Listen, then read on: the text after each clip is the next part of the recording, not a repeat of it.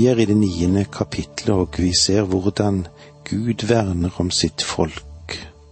Og vi vil òg se på hvordan det er når din konge kommer. Vi er i vers åtte i det niende kapitlet. Jeg vil slå vakt om mitt hus til vern mot dem som kommer og går. Aldri mer skal noen voldsherre dra frem imot dem for nå har jeg sett det med egne øyne. Jeg vil slå vakt om mitt hus. Ja, dette henviser, tror jeg, til det lille tempelet som de holdt på å bygge. Gud sa at han ville beskytte det mot Alexander den store.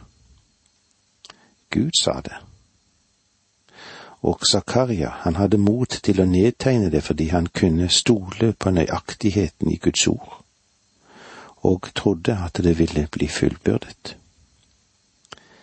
Ble det fullbyrdet, da? Ja, det ble det, på en helt utrolig måte. Historikeren Flavius Josefus forteller at øverstepresten i Jerusalem hadde et syn der han fikk beskjed om å gå ut og møte angriperen som kom, og han ventet på Alexander den stores komme. Da de så at hæren nærmet seg, gikk de til øverste presten og de øvrige prestene, kledd i fint lin, og øverste presten i sin purpurfargede drakt, med den gylne brystplaten der Guds navn var inngravert frem for å møte Herren. De hilste Alexander den store, og eh, med stor overraskelse så hele hæren, og syrerkongen som fulgte ham, at Alexander den store bøyde seg for øverstepresten.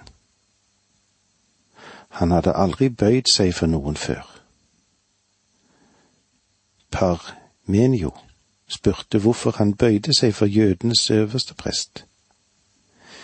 Til det svarte han, Jeg tilba ikke ham, men den Gud som æret hans embete som øverste prest. For jeg så denne personen i en drøm i denne drakt da jeg var i Dios i Makedonia, og da undret jeg meg på hvordan jeg skulle få makt over Asia. Så dro han inn i Jerusalem og tilba Gud i tempelet. En annen tradisjon sier ikke bare at øverstepresten nærmet seg ham som kledd i sitt skrud, men han hadde også med seg Daniels bok og viste Alexander profetiene angående ham. Dette grep han så sterkt at han gikk inn i byen og ofret og tilba i tempelet. Det faktum at han ikke ødela Jerusalem, gjør Zakarias profeti meget oppsiktsvekkende. Den motsier ikke det faktum at Alexander, selv om han var sin samtids største general, han var meget ondskapsfull. Han var brutal, og han var arrogant. Vi vil nå lese sammen versene ni og ti, fredskongen på Sion, som det står som overskrift i Bibelen min. Rop høyt av glede, Sions datter, bryt ut i jubel, Jerusalem. Se din konger kommer til deg, rettferdig er han, og seier er gitt ham. Ydmyk er han og rir på et esel, på den unge eselfolen. Jeg vil utrydde vognene i Efraim og hestene i Jerusalem, og stridsbuen skal brytes i stykker. Han skal skape fred for folkene, hans velde skal nå fra hav til hav, fra Eufrat til jordens ender.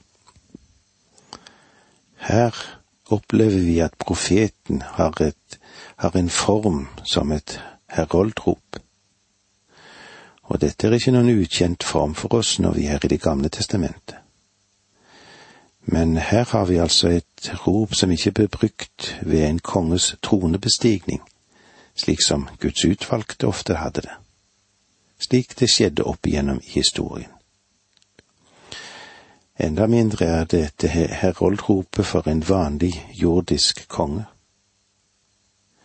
Ropet som vi lytter til her, er tydelig profetisk, som har fremtidskarakter i seg. Og det er rettet til Jerusalem sine innbyggere. Den kongen som kommer til byen, er annerledes enn de andre konger har vært. Hvis tiden og bakgrunnen er den samme som vi var innom i det tidligere avsnitt, er kontrasten til Alexander og andre voldsherrer slående. Jerusalems konge er rettferdig og full av frelse.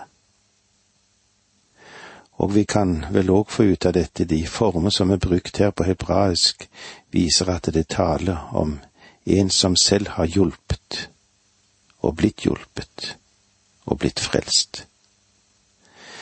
Det er en seier som ved hjelp av en annen har seiret. Hjelpen har han fått fra Gud. Og eh, vi ser her òg at han får en betegnelse av å være fattig. Umiddelbart passer dette lite på en konge. Men i Det gamle testamentet hadde dette ordet etter hvert fått en spesiell klang. Det betegnet en ydmyke, den saktmodige holdning overfor Gud. Kongen som det fortelles om her, er en som har alt sitt fra Gud, og i dette så ligger hans storhet. Rop høyt av glede, Sions datter.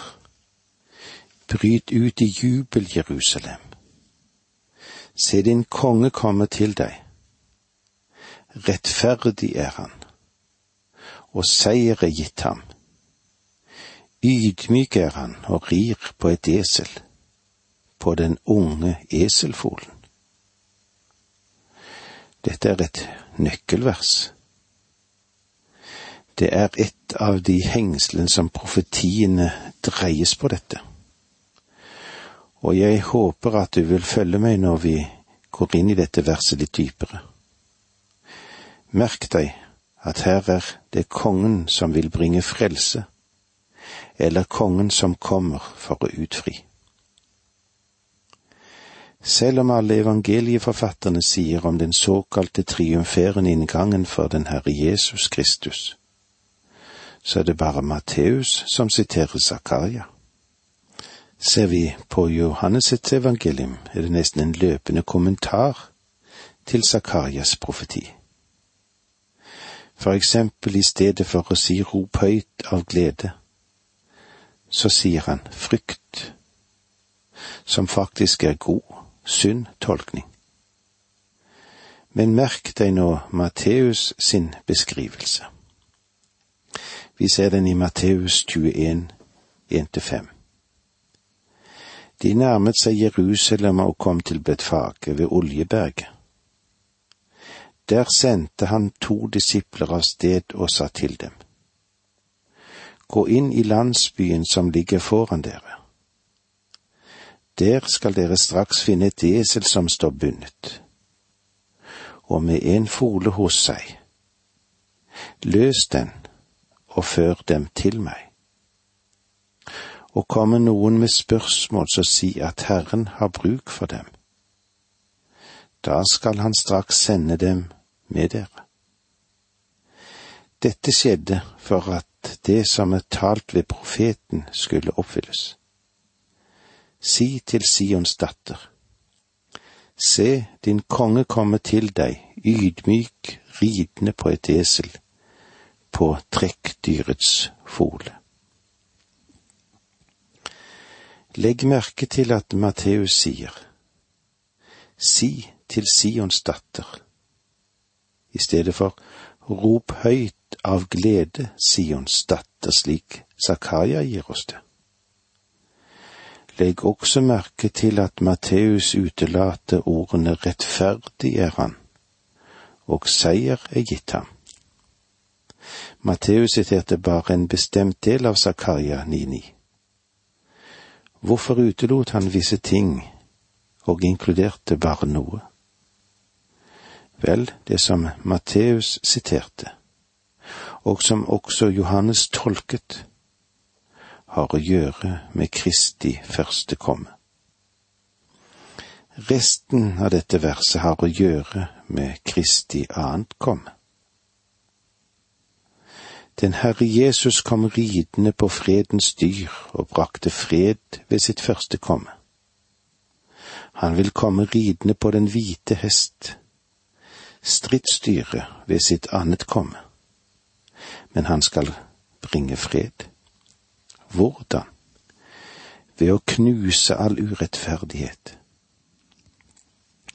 nå har verden hatt mer enn 2000 år på seg til å bestemme seg for hva det vil gjøre med Jesus Kristus. Frem til denne tid så har han blitt avvist. Så Gud gjør det helt klart for oss her at Sønn kommer tilbake for å herske. Han kom første gang for å dø for vår forløsnings skyld, men neste gang kommer han for å herske.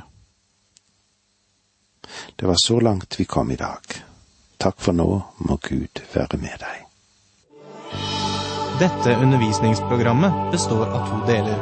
Åge Nevland fortsetter nå med andre del av dagens undervisning. Vi er i profeten Zakaria. Vi er eh, i det niende kapitlet, og eh, vi ser hvordan det er når eh, din konge kommer til deg eller slik som det står i vers ni. Rop høyt av glede, Sions datter. Bryt ut i jubel, Jerusalem. Se, din konge kommer til deg. Rettferdig er han, og seier er gitt ham. Ydmyk er han og rir på et esel, på den unge eselfolen. Jeg er sikker på at dette var noe som undret Zakaria. Og eh, det er vel noe som mange undrer seg også over i dag. Kanskje du òg undrer deg over at ydmyk er han og rir på et esel inn til Jerusalem. Men Simon Peter han gjorde det helt klart at ikke bare Zakaria, men også andre profeter undret seg. Peter skrev det slik i sitt eh, første brev, kapittel 1, vers 10 og 11. Denne frelse var det profetene grunnet på og utforsket, da de profeterte om den nåde dere skulle få. De prøvde å finne ut hvilken tid Kristi ånd, som var i dem, sikte til, hvordan den tiden ville bli Ånden vitnet om hvordan Kristus skulle lide, og deretter opphøyes i herlighet. Når Kristi første og annet komme ble knyttet sammen i en sammenheng, da prøvde profeten å finne det ut. Men de var ute av stand til å analysere denne sammenhengen. De måtte bare skrive det ned slik Ånden ga dem beskjed om og slik som de gjorde dette, så forsto de ikke personlig det budskapet som de hadde fått. Simon Peter, ved Guds ånd så skiller han disse to tingene ad. Kristus kom en gang for å lide. Han kom for å bringe forløsning. Neste gang vil han komme i herlighet for å herske på denne jord og Matteus ved ånden var i stand til å skille dette ut slik at når han siterte Zakaria 9,9, så brukte han bare den delen av dette verset som taler om Kristi første komme. Kanskje vi i kirkelige sammenhenger har gitt inntog i Jerusalem et feil navn, når vi kaller den for Jesu triumferende inntog. Egentlig var det et inntog som markerte fattigdom. Det var ingen stor parade der en fattig mann red på et esel, og med en gruppe fattige etterfølgere.